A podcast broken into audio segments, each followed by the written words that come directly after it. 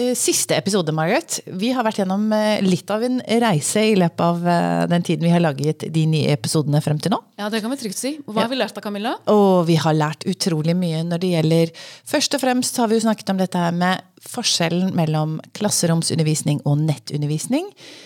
Og vi har fått eh, innblikk i hvordan det digitale samfunnet kan eh, være en eh, moderne læringsarena. Og ikke minst viktigheten av gode mellommenneskelige relasjoner på nett også.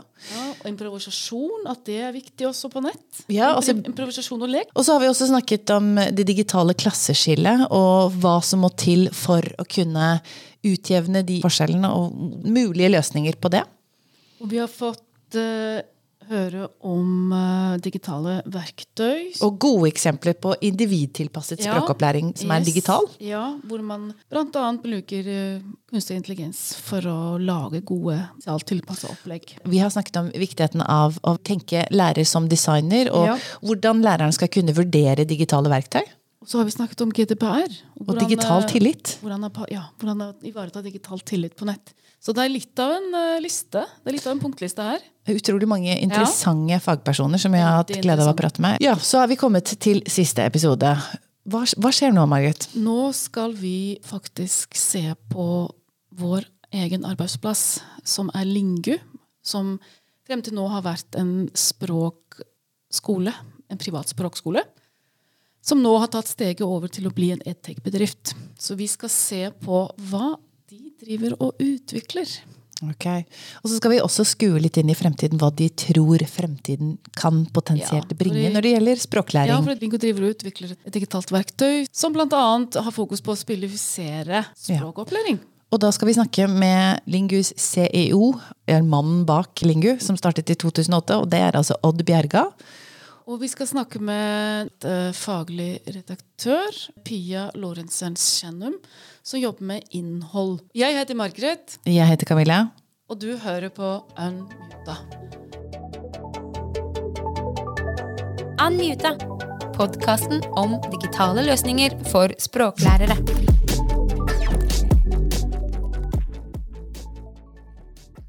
Lingu fikk nylig midler fra Innovasjons Norge for å satse internasjonalt på språklæringsplattformen lingu.com.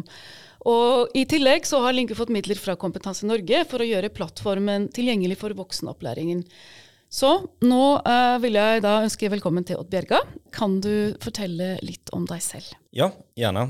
Først og fremst må jeg jo si at eh, når jeg har sett på den gjestelisten på denne podkasten tidligere, så er det, jo, er det jo litt overveldende å være en eh, bondesønn fra Vestlandet som kommer hit og skal synse litt om uh, læringsteknologi og fremtidens klasserom. Men, uh, men jeg er altså fra Vestlandet, og nå er jeg blitt 38 og starta da Lingu i 2008. Så jeg har holdt på noen år med det. Glitrende. Pia Lorentzen Skjønum, du er faglig redaktør i, hos Lingu. Kan, kan ikke du fortelle litt om deg selv, er du snill? Det kan jeg. Ja, jeg heter Pia, og jeg er fagredaktør i Lingu. Jeg er 35 år, eh, og jeg har tidligere vært eh, lærer og faglig leder i Lingu. Og nå er jeg klar for nye utfordringer og interessante oppgaver i vår nyoppstartede avdeling, fagredaksjonen i norsk, og edtech for eh, alle penga. Men før vi begynner å vende blikket mot fremtidens klasserom, så vil jeg gjerne, Odd, be deg om å gi lytterne et bitte lite innblikk i Lingu. Hva er Lingu for noe? Ja, Lingu er en uh, språkskole som har konvertert til å bli et uh, edtech-selskap. Som har en lang lang fartstid som, uh, som tilbyder av språkopplæring. I, I starten så begynte vi med veldig eh, eksotiske språk, f.eks. Eh, japansk, kinesisk og persisk og sånt. Men fra 2011 så begynte vi med norskopplæring, og da fra 2012 med nettbasert eh, norskopplæring i tillegg. Så det norskopplæringen, særlig mot, rett mot eh, arbeidsinnvandrere, har vært det som har vært fokusområdet til Lingu fram til nylig, og nå òg. Men i, parallelt med det så har vi òg utvikla våre egne systemer som, som organiserer opplæringen og klart å kombinere asynkrone opplæringsformer med synkrone opplæringsformer i det som eh, alle lytterne kjenner til som blended learning. Og um, det har gjort at Lingu har, eh, har vokst og blitt en, eh, en forholdsvis stor aktør på det norske språkopplæringsmarkedet. Så, så Lingu har egentlig vært på den digitale reisen en stund, en god stund allerede nå, altså før dere går over til ETEC? Ja, helt siden 2012. Men det har jo blitt mer og mer. og så Det har vært en lang reise der, der vi har vært både veldig analoge i perioder, eller i, i deler av organisasjonen, og veldig framoverlente i andre deler av organisasjonen. Men i 2019 så, så lagde vi en ny strategi der vi valgte å prioritere på de områdene der som, som vi ser på som mest framtidsrettede og mest lønnsomme. Og det var de digitale eller nettbaserte produktene og tjenestene. Så, så vi, vi, begynte å satse mer på det, og da tenker jeg også veldig Der har vi òg internasjonale muligheter, så vi for oss. Så det, det ble et satsingsområde. Ja, så begynte vi en, som en visjon om uh, hva Lingo kan bety ute i den store verden. Og uh, så koker det jo ned til at du må gjøre handlinger her og nå, ta et steg for steg. og og de stegene vi har tatt eh, så langt, de handler om å bygge en ny læringsplattform som i prinsippet skal skape synkron og asynkron opplæring på, på nye måter. da. Så da er vi over på Linku som edtech-bedrift. Kan du bare si litt om hvorfor, hvorfor har dere valgt å ta det steget akkurat nå? Ja, Som sagt så har jo det ja, ja. vært en prosess som har pågått eh, en del år. Men, eh, men vi har fått det bekrefta i 2020 at, at læringsteknologi og edtech er, er en sunn sektor å være i eller sunt område å være i. Og eh, koronapandemien det fikk jo framskynda det i, både i, vårt, vår organisasjon og i, i markedet ellers. Så, så, det har jo forårsaka at dette, dette fjoråret da var, var, det beste året noensinne. Og, så det betyr jo at vi har en, eh, vært på rett, rett kurs, da. Rett mann til rett tid, med andre ord. Kan du fortelle litt om hva dere utvikler hos Lingu nå? Som, som edtech-bedrift? Altså, hvilken utdanningsteknologi har dere valgt å satse på? Ja, I, i essens så ønsker vi Lingu å bringe teknologi til pedagogen, eh, og ikke motsatt. Så det betyr at vi ønsker å lage verktøy, og holder på å lage verktøy, som, eh, som gir læreren mulighet til å, å fasilitere synkron og asynkron undervisning. Og som kan gi læreren bedre innsikt i det som skjer i læring hos den enkelte, og eh, som gjør den læringen mer sosial og mer gøyal. Altså, da tenker vi på spillifisering og, og gjør læringen spillbasert, engasjerende for, og motiverende for deltakerne. Odd, jeg har lyst til å be deg om å plassere Lingu innenfor edtech-utviklingen sånn som den er i Norge i dag. Ja, altså hvis vi tar edtech som et eh, fenomen Uh, uavhengig om det er Norge eller ikke, så tenker jeg at vi kan plassere edtech i del inn i tre hovedgrupper. Og den ene første hovedgruppa er teknologi som, eh, som, gir tilgang til andre ressurser, eller som analyserer data osv. Og der, da tenker jeg selvfølgelig på LMS-systemer, Learning Management Systems, og tilgangsstyring, sånn som Feide, eh, eller det Clever, som, som Kaut nettopp kjøpte opp i USA. Det er en gruppe av, av EdTech. Og så er det en annen gruppe som er mer samhandlingsbasert, eller prosjektstyring eller organiseringsverktøy. og der har du sånn som Padlet og Google Classroom og sånn, um, som er verktøy for lærerne.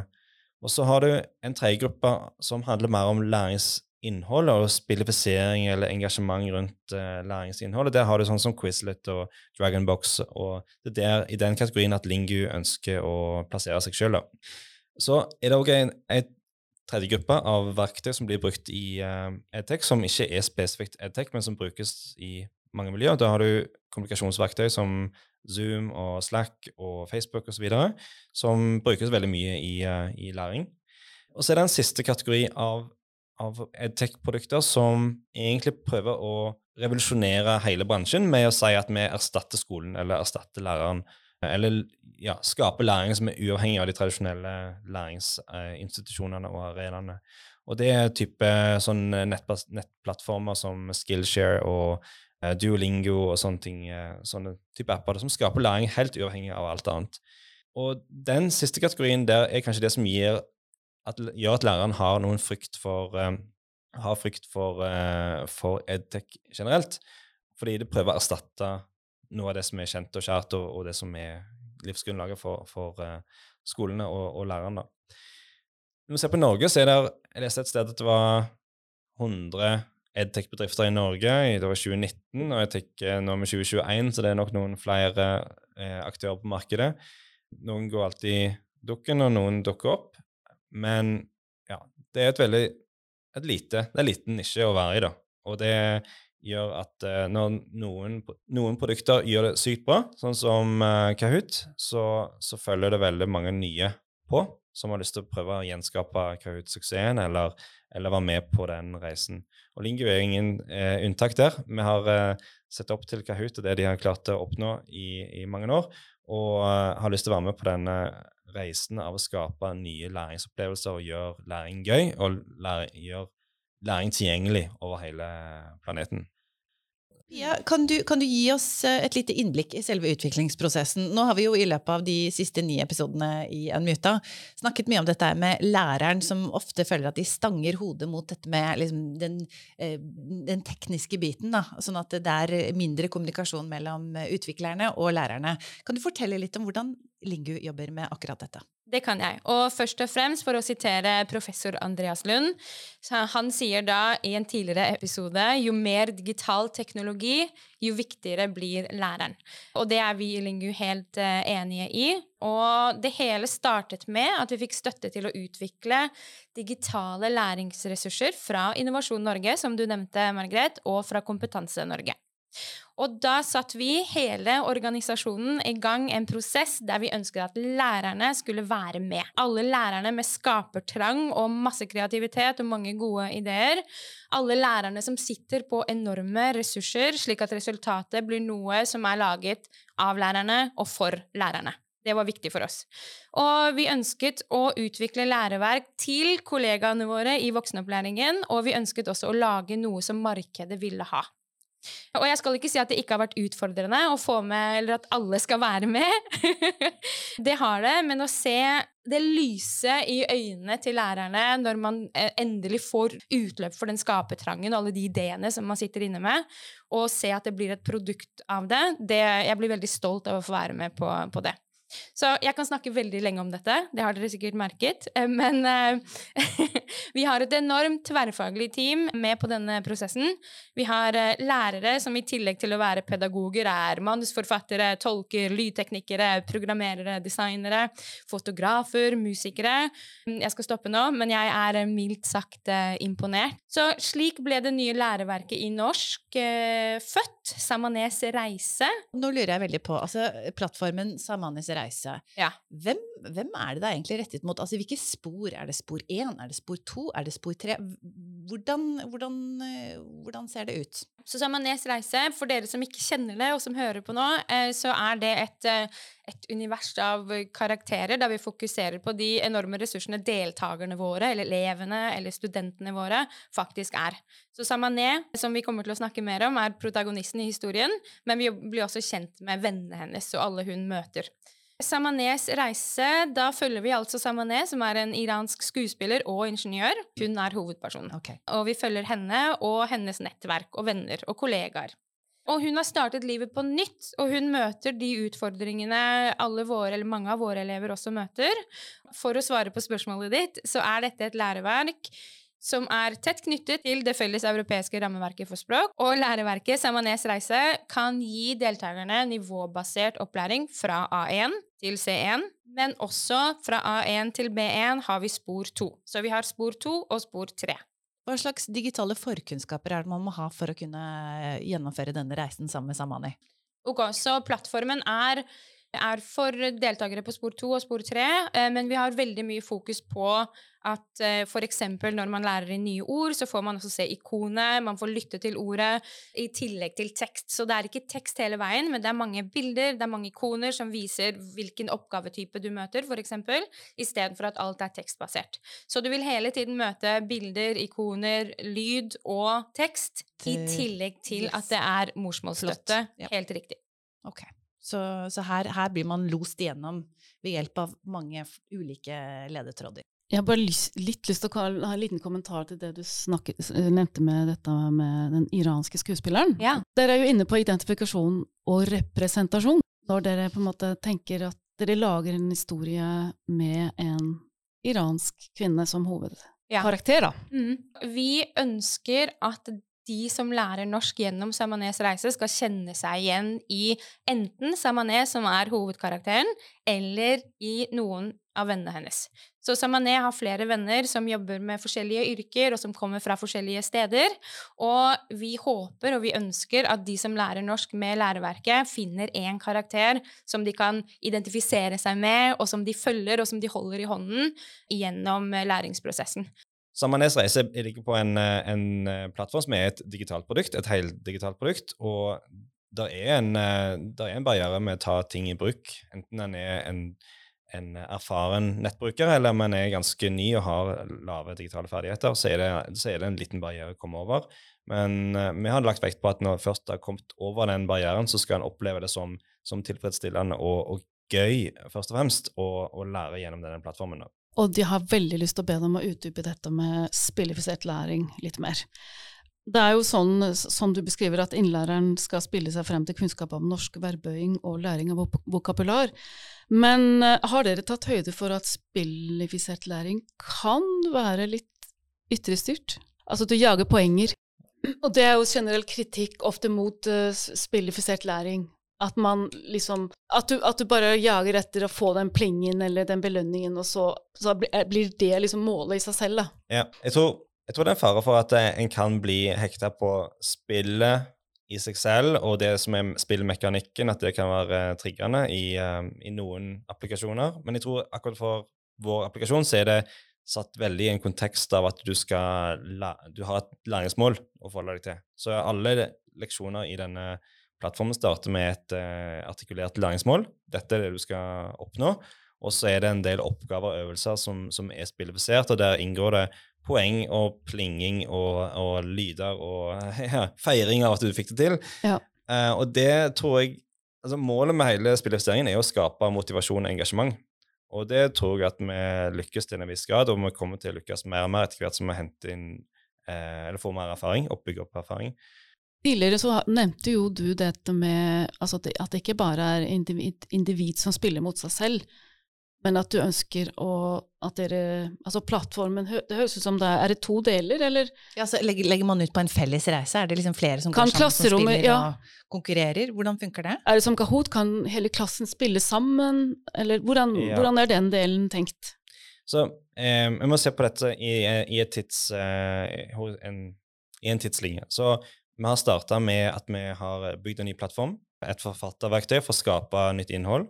Så har vi skapt en del innhold, og så har vi lagt på et lag av spillifisering for å gjøre det mer gøyalt. Men vi er fremdeles på stadiet av at dette er noe som deltakerne interagerer med sin device, altså sin Chromebook eller, eller mobil, og spiller mot tidligere spillere. Altså, altså en, en, har sånn eh, rangerer spillerne ut fra hvor mange poeng de har fått, ut fra tidligere spilte spill det som skjer framover, som er på en måte neste steg i vår uh, reise med denne plattformen, er å gjøre dette tilgjengelig i klasserommet i en slags sanntidsmodus.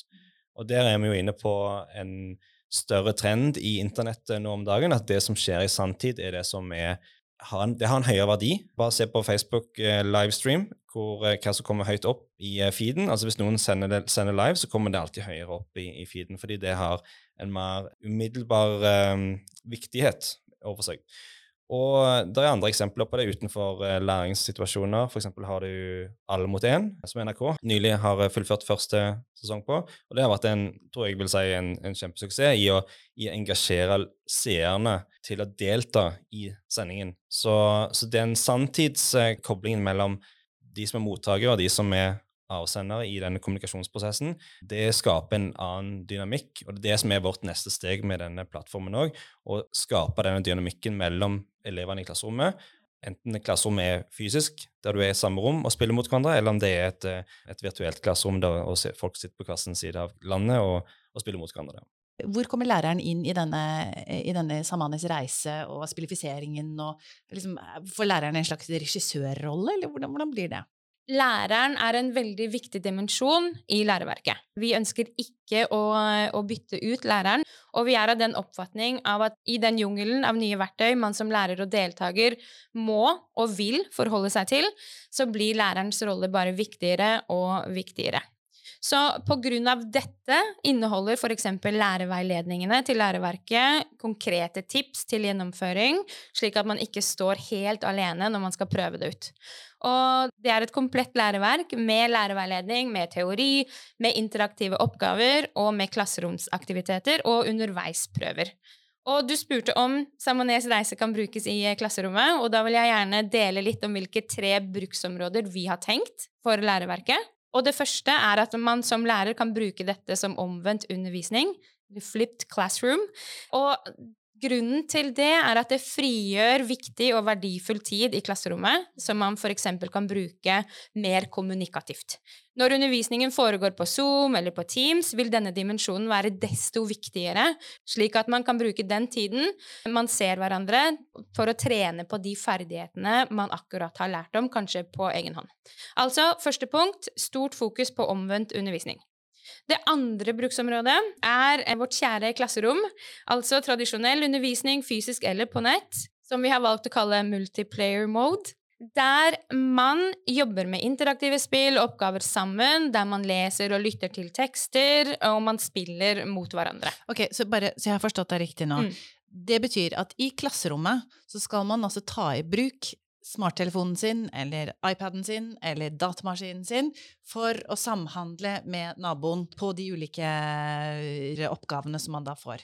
Til en viss grad, ja. Men okay. det betyr ikke at man skal sitte med mobiltelefonen gjennom hele undervisningstimen, men det betyr at når man jobber med oppgaver sammen, så har man mulighet til å gjøre det.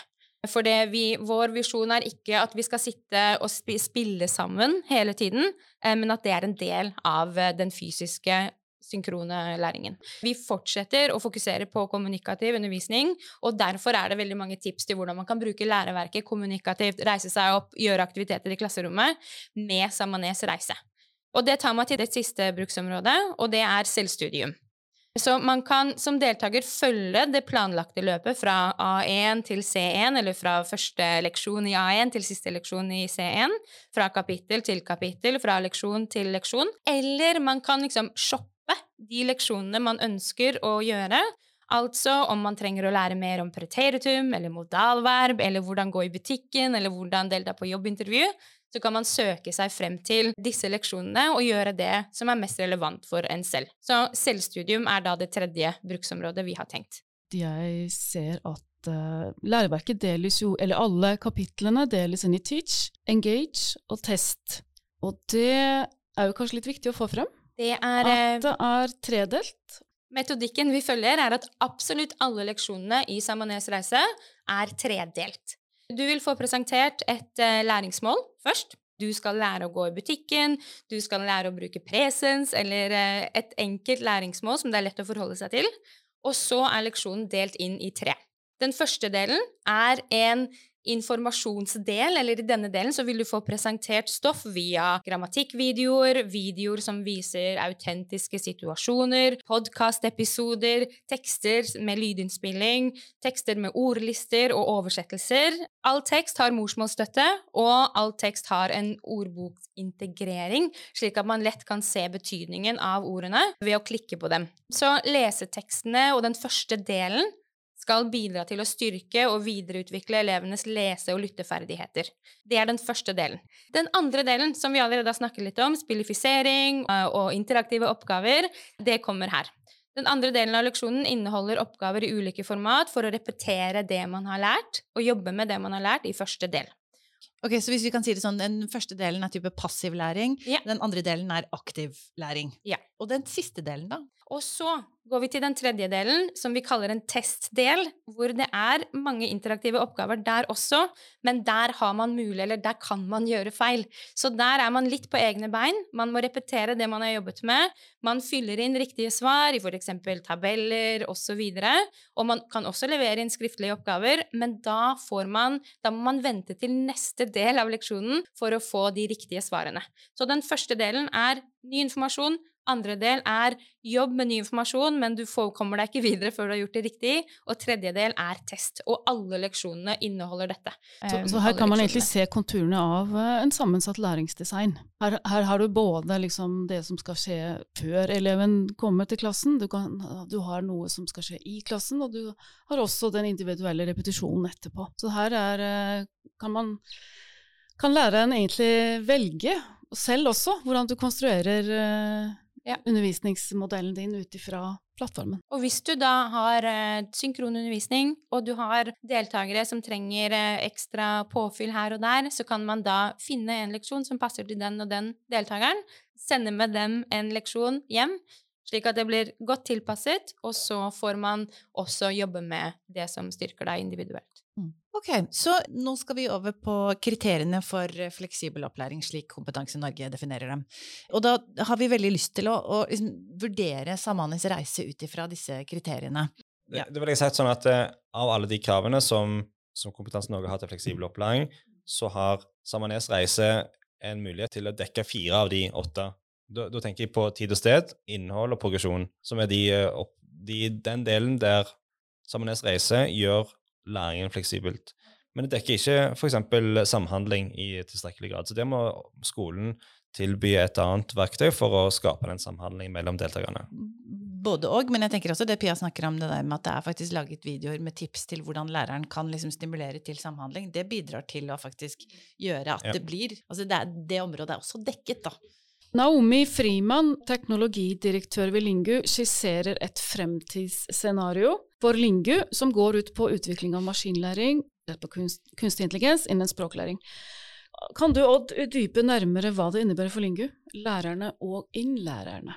Vi har eh, tenkt så at nå har vi bygd et, opp et eh, team av eh, utviklere og utviklerkompetanse og design som hjelper oss å lage en, eh, en læringsplattform som, som distribuerer e-læring og kan, som kan brukes i klasserom. Steg to i dette blir å lage en, bygge opp et nytt team som skaper denne sanntidslæringen, altså den som er kalt for multiplayer mode. Og steg tre blir å sette sammen et eh, data science-team som kan hjelpe oss til å hente ut mer innsikt i hva som foregår i læringsprosessen hos eh, deltakerne, og så gi den informasjonen tilbake til lærerne som, som eh, dyp innsikt. Og Et eksempel på det er at jeg så en eh, bare et eksempel på en lærer som sendte en tilbakemelding til en eh, deltaker på en oppgave. som Da sa læreren noe sånn som at jeg ser du sliter med gradbøyning av eh, adjektiver. La meg se om jeg kan finne noen ressurser som passer for deg. Og da har læreren gjort en, en, helt, en veldig kompleks oppgave gjennom å analysere teksten, forstå hvor problemet ligger, koble sammen kunnskap om lignende ressurser og hva som kan hjelpe denne deltakeren med å løse det problemet, og foreslår en løsning, eller sier at jeg vil komme tilbake til deg med med en løsning eller noen forslag til et oppgave du kan gjøre. Det er en type innsikt som jeg tror eh, vil være mulig å bruke maskinlæring til å, å skape, sånn at de forslagene som eh, deltakeren trenger å Eller det som eleven da trenger å høre, av sånn type innsikt i sin egen læring og forstå sin egen læring bedre, det vil systemet kunne foreslå for læreren, eller for deltakeren òg, for den saks skyld. Så da er fremtiden mer individuell, skreddersydd opplæring, rett og slett. Tilpasset. Dy- Dypere innsikt, Dypere i, eh, innsikt i det. i deltakerens læringsprosess, og Ja. hvor problemene ligger, og hva som skal til for å, for å gjøre framgang på de ulike språkferdighetene, enten det er muntlig eh, altså, eh, Ja. Ok, så, Ja. så Hvis jeg har forstått det riktig, så er det det at det om å vurdere elevene skal gå over til å bli mer digitalisert. Hvor kommer læreren inn i dette med vurdering? For det er jo en ganske essensiell rolle av det å være lærer, er jo vurderingsbiten. Så, så hvordan blir framtiden med tanke på dersom maskiner skal vurdere kursdeltakere? Ja, Når jeg tenker på vurdering, så tenker jeg først og fremst på underveisvurderingen. At eh, maskinlæring kan, kan komme inn som en støtte og gi forslag til forbedringspunkter eller eh, identifisere problemområder. Og være en støtte for læreren. Gi læreren den innsikten i hver enkelt deltakers læringsprogresjon. Og komme med forslag til eh, nye løsninger eller nye fokusområder for den enkelte deltakeren. Så gi den informasjonen til læreren. Eh, På sluttvurdering så tenker jeg at det er, det er litt mer litt lenger fram i tid, hvis det skulle blitt eh, aktuelt å bruke maskinlæring på det. Der tror jeg kanskje at det, det er noen muligheter, men det er òg en del eh, nye forhold som må vurderes da, for å få konsekvenser i ja, f.eks. Eh, med oppholdstillatelse eller mulighet for arbeid osv. Så, eh, til slutt så lurer vi jo veldig på hvor er, hvor er Lingu om eh, ti år? Hva, hva, skjer? Er det virtual reality? Er det liksom, hvor, hvor er vi? Da må vi sparke ut alle lærerne, og så er det bare en AI som dominerer språklæringen. Nei. Nei. Det er langt fram med ti år. Det er langt frem. Det er mye som kan skje på ti år. Ja. ja vi tenker på så mye som har skjedd i løpet av det siste året, så, så ja. ja wow. Da er vi et, en edtech-bedrift og et go to-forlag for å finne gode læreverk og læremidler. Læringsressurser. Jeg tror grensen mellom det som skjer synkront og det som skjer asynkront, vil være så godt som viska bort, så at en lærer på ulike domener, ulike steder til ulike tider, men at det er noe som er òg synkront, og som skjer i sanntid der læreren styrer. Og der tror jeg læreren egentlig vil få, enten det er Lingio eller andre steder, vil ha en sentral rolle i å fasilitere og veilede deltakerne i opplæringen.